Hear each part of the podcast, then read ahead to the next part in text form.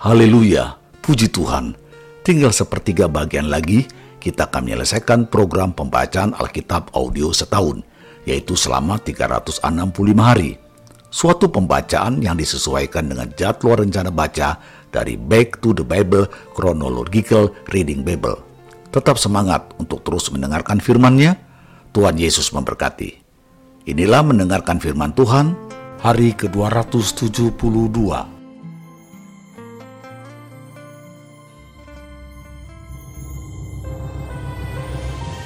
Nehemia pasal 11 ayat 1 sampai 36. Daftar penduduk Yerusalem dan Yehuda.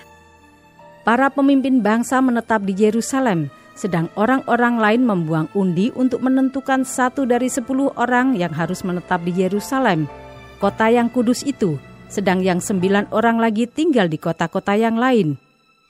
Orang-orang memuji setiap orang yang rela menetap di Yerusalem Inilah kepala-kepala provinsi Yehuda yang menetap di Yerusalem. Sedang di kota-kota di Yehuda setiap orang, yakni orang-orang Israel awam, para imam, orang-orang Lewi, para budak di bait Allah dan keturunan para hamba Salomo tinggal di tanah miliknya di kotanya sendiri. Di Yerusalem tinggal orang-orang dari Bani Yehuda dan Bani Benyamin. Dari anak-anak Yehuda, Ataya bin Usia bin Zakaria bin Amaria bin Sefaca bin Mahalaleel dari Bani Peres, dan Maaseya bin Baruh bin Kolhose bin Hasaya bin Adaya bin Yoyarib bin Sakaria keturunan orang Sela. Semua Bani Peres yang tinggal di Yerusalem berjumlah 468 orang yang gagah perkasa.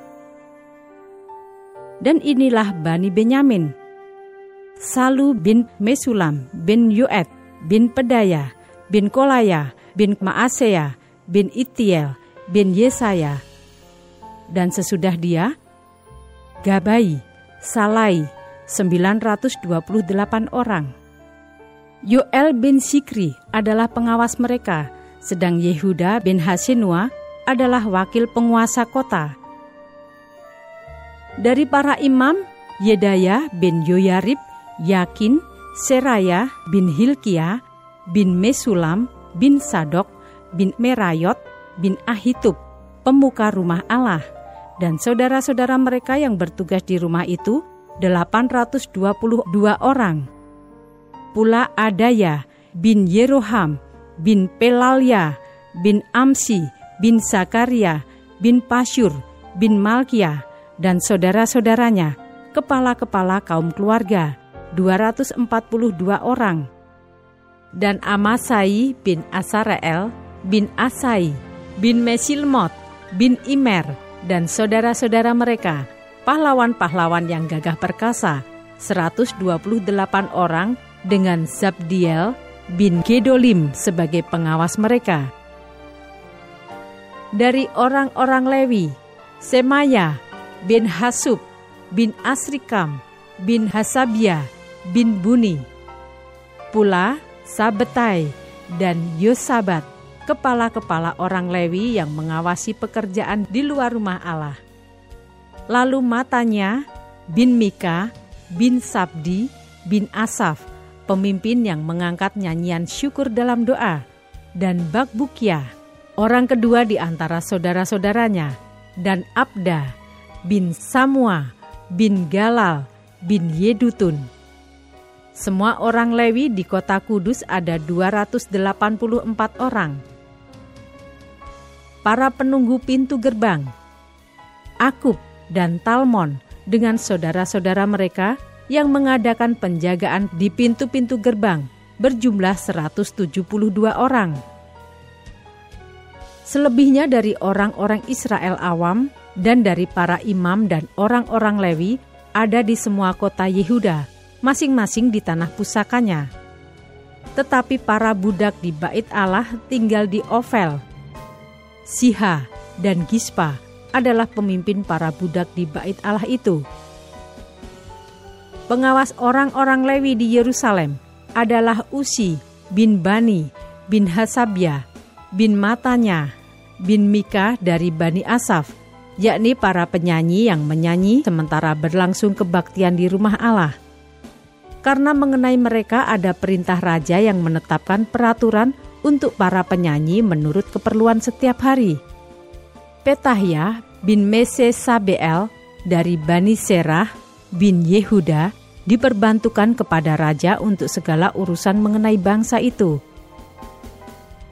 Tentang tempat-tempat kediaman di daerah perladangan, sebagian dari Bani Yehuda tinggal di Kiryat Arba dan segala anak kotanya, di Dibon dan segala anak kotanya, dan di Yekapseel dan desa-desanya, di Yesua, di Molada, dan Bet Pelet, di Hasar Sual, di Bersheba, dan segala anak kotanya, di Siklak, di Mekona, dan segala anak kotanya, di Enrimon, Sora, Yarmut, Sanoah, Adulam, dan desa-desanya, di Lakis dan ladang-ladangnya, dan di Aseka, dan segala anak kotanya.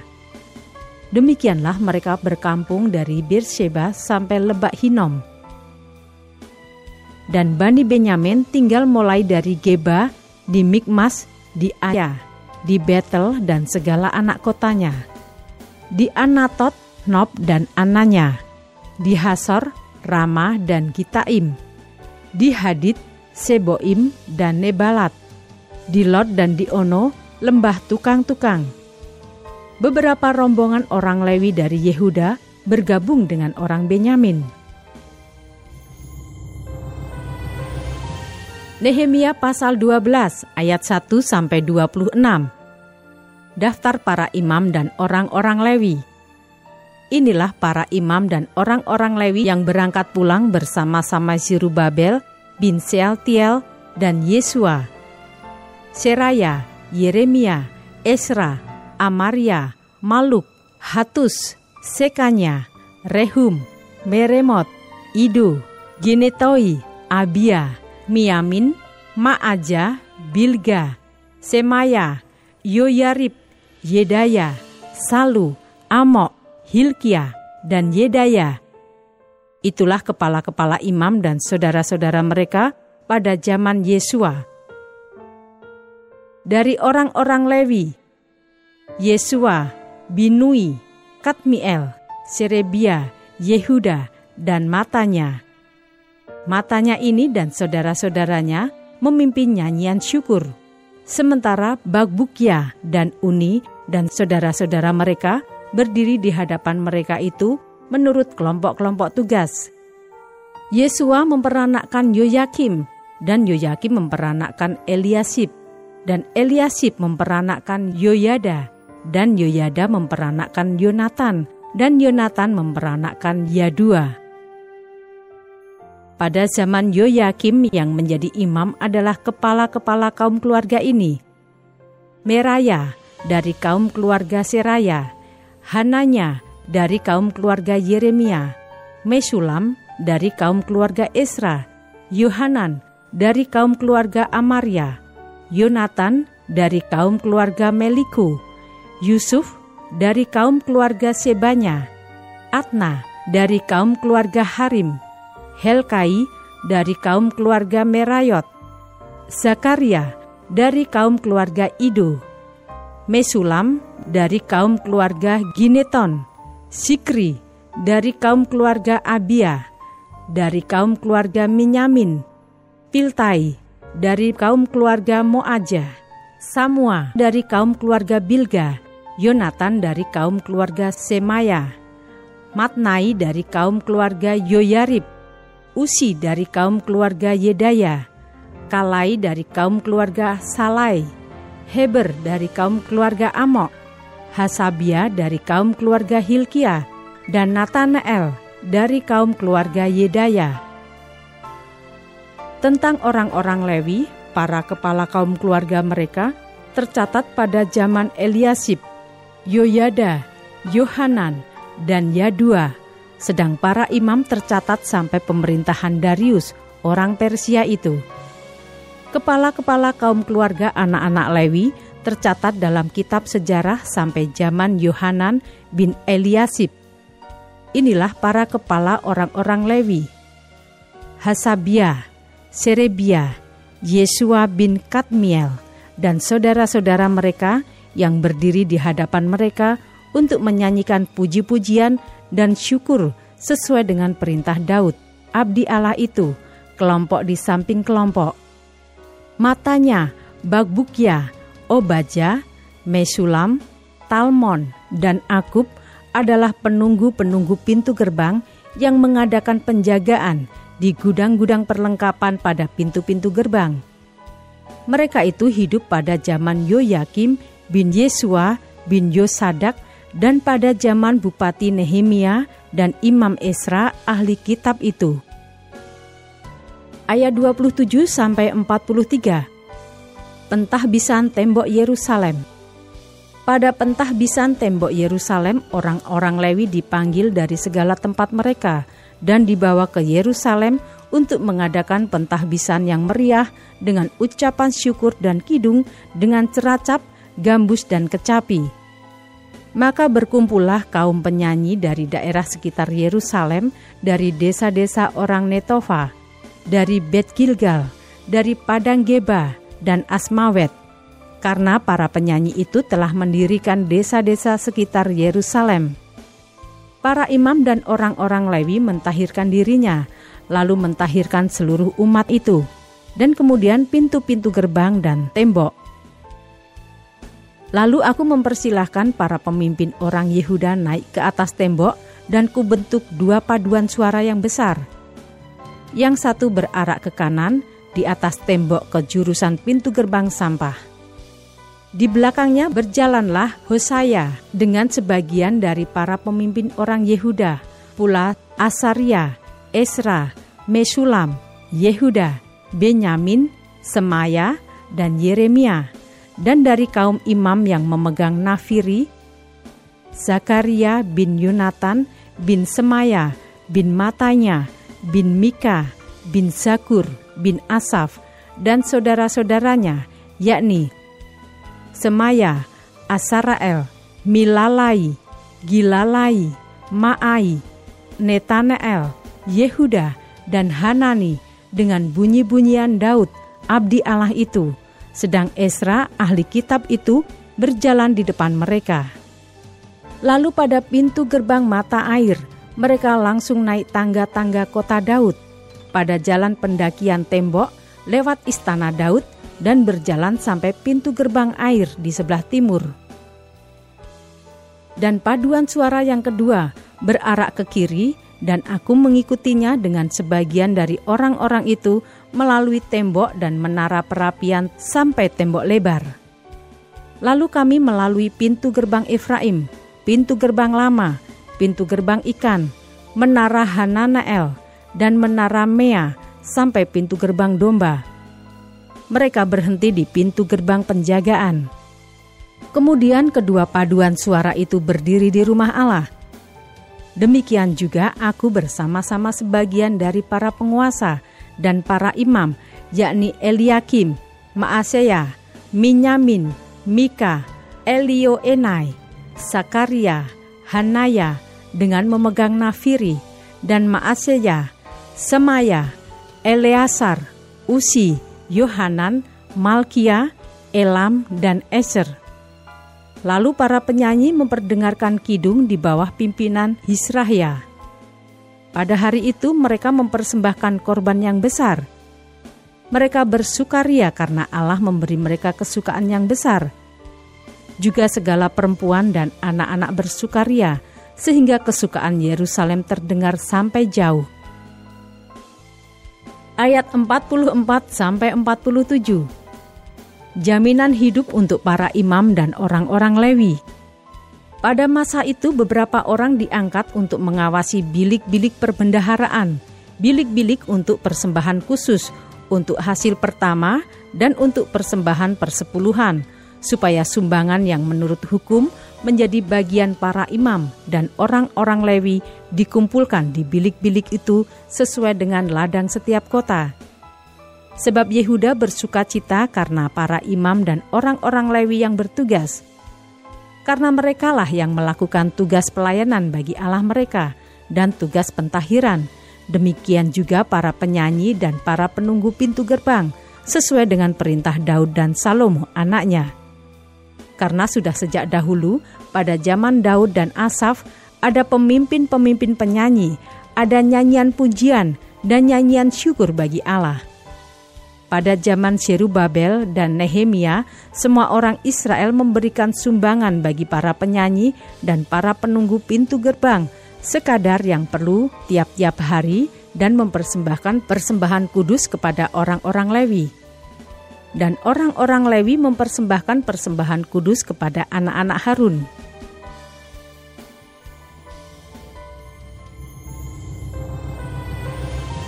Nehemia pasal 13 ayat 1 sampai 31.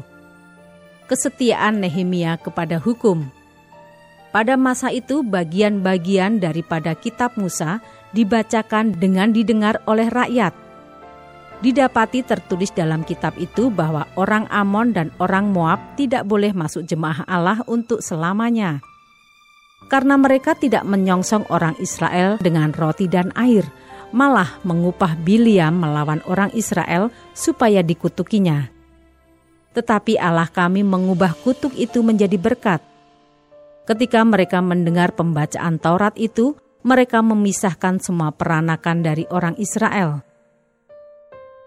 Tetapi sebelum masa itu, Imam Eliasib yang diangkat untuk mengawasi bilik-bilik rumah Allah kami dan yang mempunyai hubungan erat dengan Tobia menyediakan sebuah bilik besar bagi Tobia itu. Sebelumnya orang membawa ke bilik itu korban sajian, kemenyan, perkakas-perkakas, dan persembahan persepuluhan daripada gandum, anggur, dan minyak yang menjadi hak orang-orang Lewi, para penyanyi, dan para penunggu pintu gerbang, dan persembahan khusus bagi para imam. Ketika peristiwa itu terjadi, aku tidak ada di Yerusalem, karena pada tahun ke-32 pemerintahan Artahsasta, Raja Babel, aku pergi menghadap raja. Tetapi sesudah beberapa waktu aku minta izin dari raja untuk pergi. Lalu aku tiba di Yerusalem dan melihat kejahatan yang dibuat Eliasib untuk keuntungan Tobia, Sebab bagi Tobia ini telah disediakannya sebuah bilik di pelataran rumah Allah. Aku menjadi sangat kesal, lalu kulempar semua perabot rumah Tobia keluar bilik itu. Kemudian kusuruh tahirkan bilik itu. Sesudah itu kubawa kembali ke sana perkakas-perkakas rumah Allah, korban sajian dan kemenyan. Juga kudapati bahwa sumbangan-sumbangan bagi orang-orang Lewi tidak pernah diberikan, sehingga orang-orang Lewi dan para penyanyi yang bertugas masing-masing lari ke ladangnya. Aku menyesali para penguasa, kataku, mengapa rumah Allah dibiarkan begitu saja? Lalu kukumpulkan orang-orang Lewi itu dan kukembalikan pada tempatnya. Maka seluruh orang Yehuda membawa lagi persembahan persepuluhan daripada gandum, anggur, dan minyak ke perbendaharaan. Sebagai pengawas-pengawas perbendaharaan, kuangkat Imam Selemia dan Sadok, seorang ahli kitab, dan Pedaya, seorang Lewi. Sedang Hanan bin Sakur bin Matanya diperbantukan kepada mereka karena orang-orang itu dianggap setia. Mereka diserahi tugas untuk mengurus pembagian kepada saudara-saudara mereka. Ya Allahku, ingatlah kepadaku karena hal itu, dan janganlah hapuskan segala perbuatan bakti yang telah kulakukan terhadap rumah Allahku dan segala pelayanan di dalamnya. Pada masa itu kulihat di Yehuda orang-orang mengirik memeras anggur pada hari sabat. Pula orang-orang yang membawa berkas-berkas gandum dan memuatnya di atas keledai, juga anggur, buah anggur, dan buah ara, dan pelbagai muatan yang mereka bawa ke Yerusalem pada hari Sabat. Aku memperingatkan mereka ketika mereka menjual bahan-bahan makanan. Juga orang Tirus yang tinggal di situ membawa ikan dan pelbagai barang dagangan dan menjual itu kepada orang-orang Yehuda pada hari Sabat, bahkan di Yerusalem. Lalu aku menyesali pemuka-pemuka orang Yehuda. Kataku kepada mereka, "Kejahatan apa yang kamu lakukan ini dengan melanggar kekudusan hari Sabat?" Bukankah nenek moyangmu telah berbuat demikian, sehingga Allah kita mendatangkan seluruh malapetaka ini atas kita dan atas kota ini? Apakah kamu bermaksud memperbesar murka yang menimpa Israel dengan melanggar kekudusan hari Sabat? Kalau sudah remang-remang di pintu-pintu gerbang Yerusalem menjelang hari Sabat, kusuruh tutup pintu-pintu dan kuperintahkan supaya jangan dibuka sampai lewat hari Sabat dan aku tempatkan beberapa orang dari anak buahku di pintu-pintu gerbang, supaya tidak ada muatan yang masuk pada hari Sabat. Tetapi orang-orang yang berdagang dan berjualan rupa-rupa barang itu kemudian bermalam juga di luar tembok Yerusalem satu dua kali. Lalu aku memperingatkan mereka, kataku, mengapa kamu bermalam di depan tembok? Kalau kamu berbuat itu sekali lagi, akan kukenakan tanganku kepadamu. Sejak waktu itu mereka tidak datang lagi pada hari sabat. Juga kusuruh orang-orang Lewi mentahirkan dirinya dan datang menjaga pintu-pintu gerbang untuk menguduskan hari sabat. Ya Allahku, ingatlah kepadaku juga karena hal itu dan sayangilah aku menurut kasih setiamu yang besar.' Pada masa itu juga kulihat bahwa beberapa orang Yahudi memperistri perempuan-perempuan Asdod, perempuan-perempuan Amon, atau perempuan-perempuan Moab. Sebagian dari anak-anak mereka berbicara bahasa Asdod atau bahasa bangsa lain itu dan tidak tahu berbicara bahasa Yahudi. Aku menyesali mereka, kukutuki mereka, dan beberapa orang di antara mereka kupukuli dan kucabut rambutnya, dan kusuruh mereka bersumpah demi Allah. Demikian, jangan sekali-kali kamu serahkan anak-anak perempuanmu kepada anak-anak lelaki mereka, atau mengambil anak-anak perempuan mereka sebagai istri untuk anak-anak lelakimu atau untuk dirimu sendiri. Bukankah Salomo Raja Israel telah berbuat dosa karena hal semacam itu? Walaupun di antara begitu banyak bangsa, tidak ada seorang raja seperti dia yang dikasihi Allahnya dan diangkat oleh Allah itu menjadi raja seluruh Israel. Namun dia pun terbawa ke dalam dosa oleh perempuan-perempuan asing itu. Apakah orang harus mendengar bahwa juga kamu berbuat segala kejahatan yang besar itu, yakni berubah setia terhadap Allah kita karena memperistri perempuan-perempuan asing?' Seorang dari anak-anak Yoyada bin Eliasib imam besar itu adalah menantu Sanbalat, orang Horoni itu. Oleh sebab itu kuusir dia daripadaku. Ya Allahku, ingatlah bagaimana mereka mencemarkan jabatan imam serta perjanjian mengenai para imam dan orang-orang Lewi. Kutahirkan mereka dari segala sesuatu yang asing dan kutetapkan tugas-tugas untuk para imam dan orang-orang Lewi, masing-masing dalam bidang pekerjaannya. Pula kutetapkan suatu cara untuk menyediakan kayu api pada waktu-waktu tertentu dan untuk hasil-hasil yang pertama. Ya Allahku, ingatlah kepadaku demi kesejahteraanku.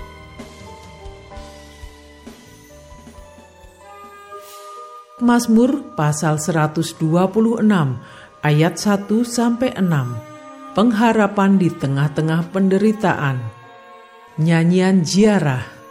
Ketika Tuhan memulihkan keadaan Sion, keadaan kita seperti orang-orang yang bermimpi. Pada waktu itu, mulut kita penuh dengan tertawa dan lidah kita dengan sorak-sorai. Pada waktu itu, berkatalah orang di antara bangsa-bangsa, Tuhan telah melakukan perkara besar kepada orang-orang ini. Tuhan telah melakukan perkara besar kepada kita, maka kita bersuka cita. Pulihkanlah keadaan kami ya Tuhan, seperti memulihkan batang air kering di tanah Negeb. Orang-orang yang menabur dengan mencucurkan air mata akan menuai dengan bersorak-sorai Orang yang berjalan maju dengan menangis sambil menabur benih pasti pulang dengan sorak-sorai sambil membawa berkas-berkasnya. Tetap semangat, Teruskanlah mendengarkan firman Tuhan. Sampai jumpa esok.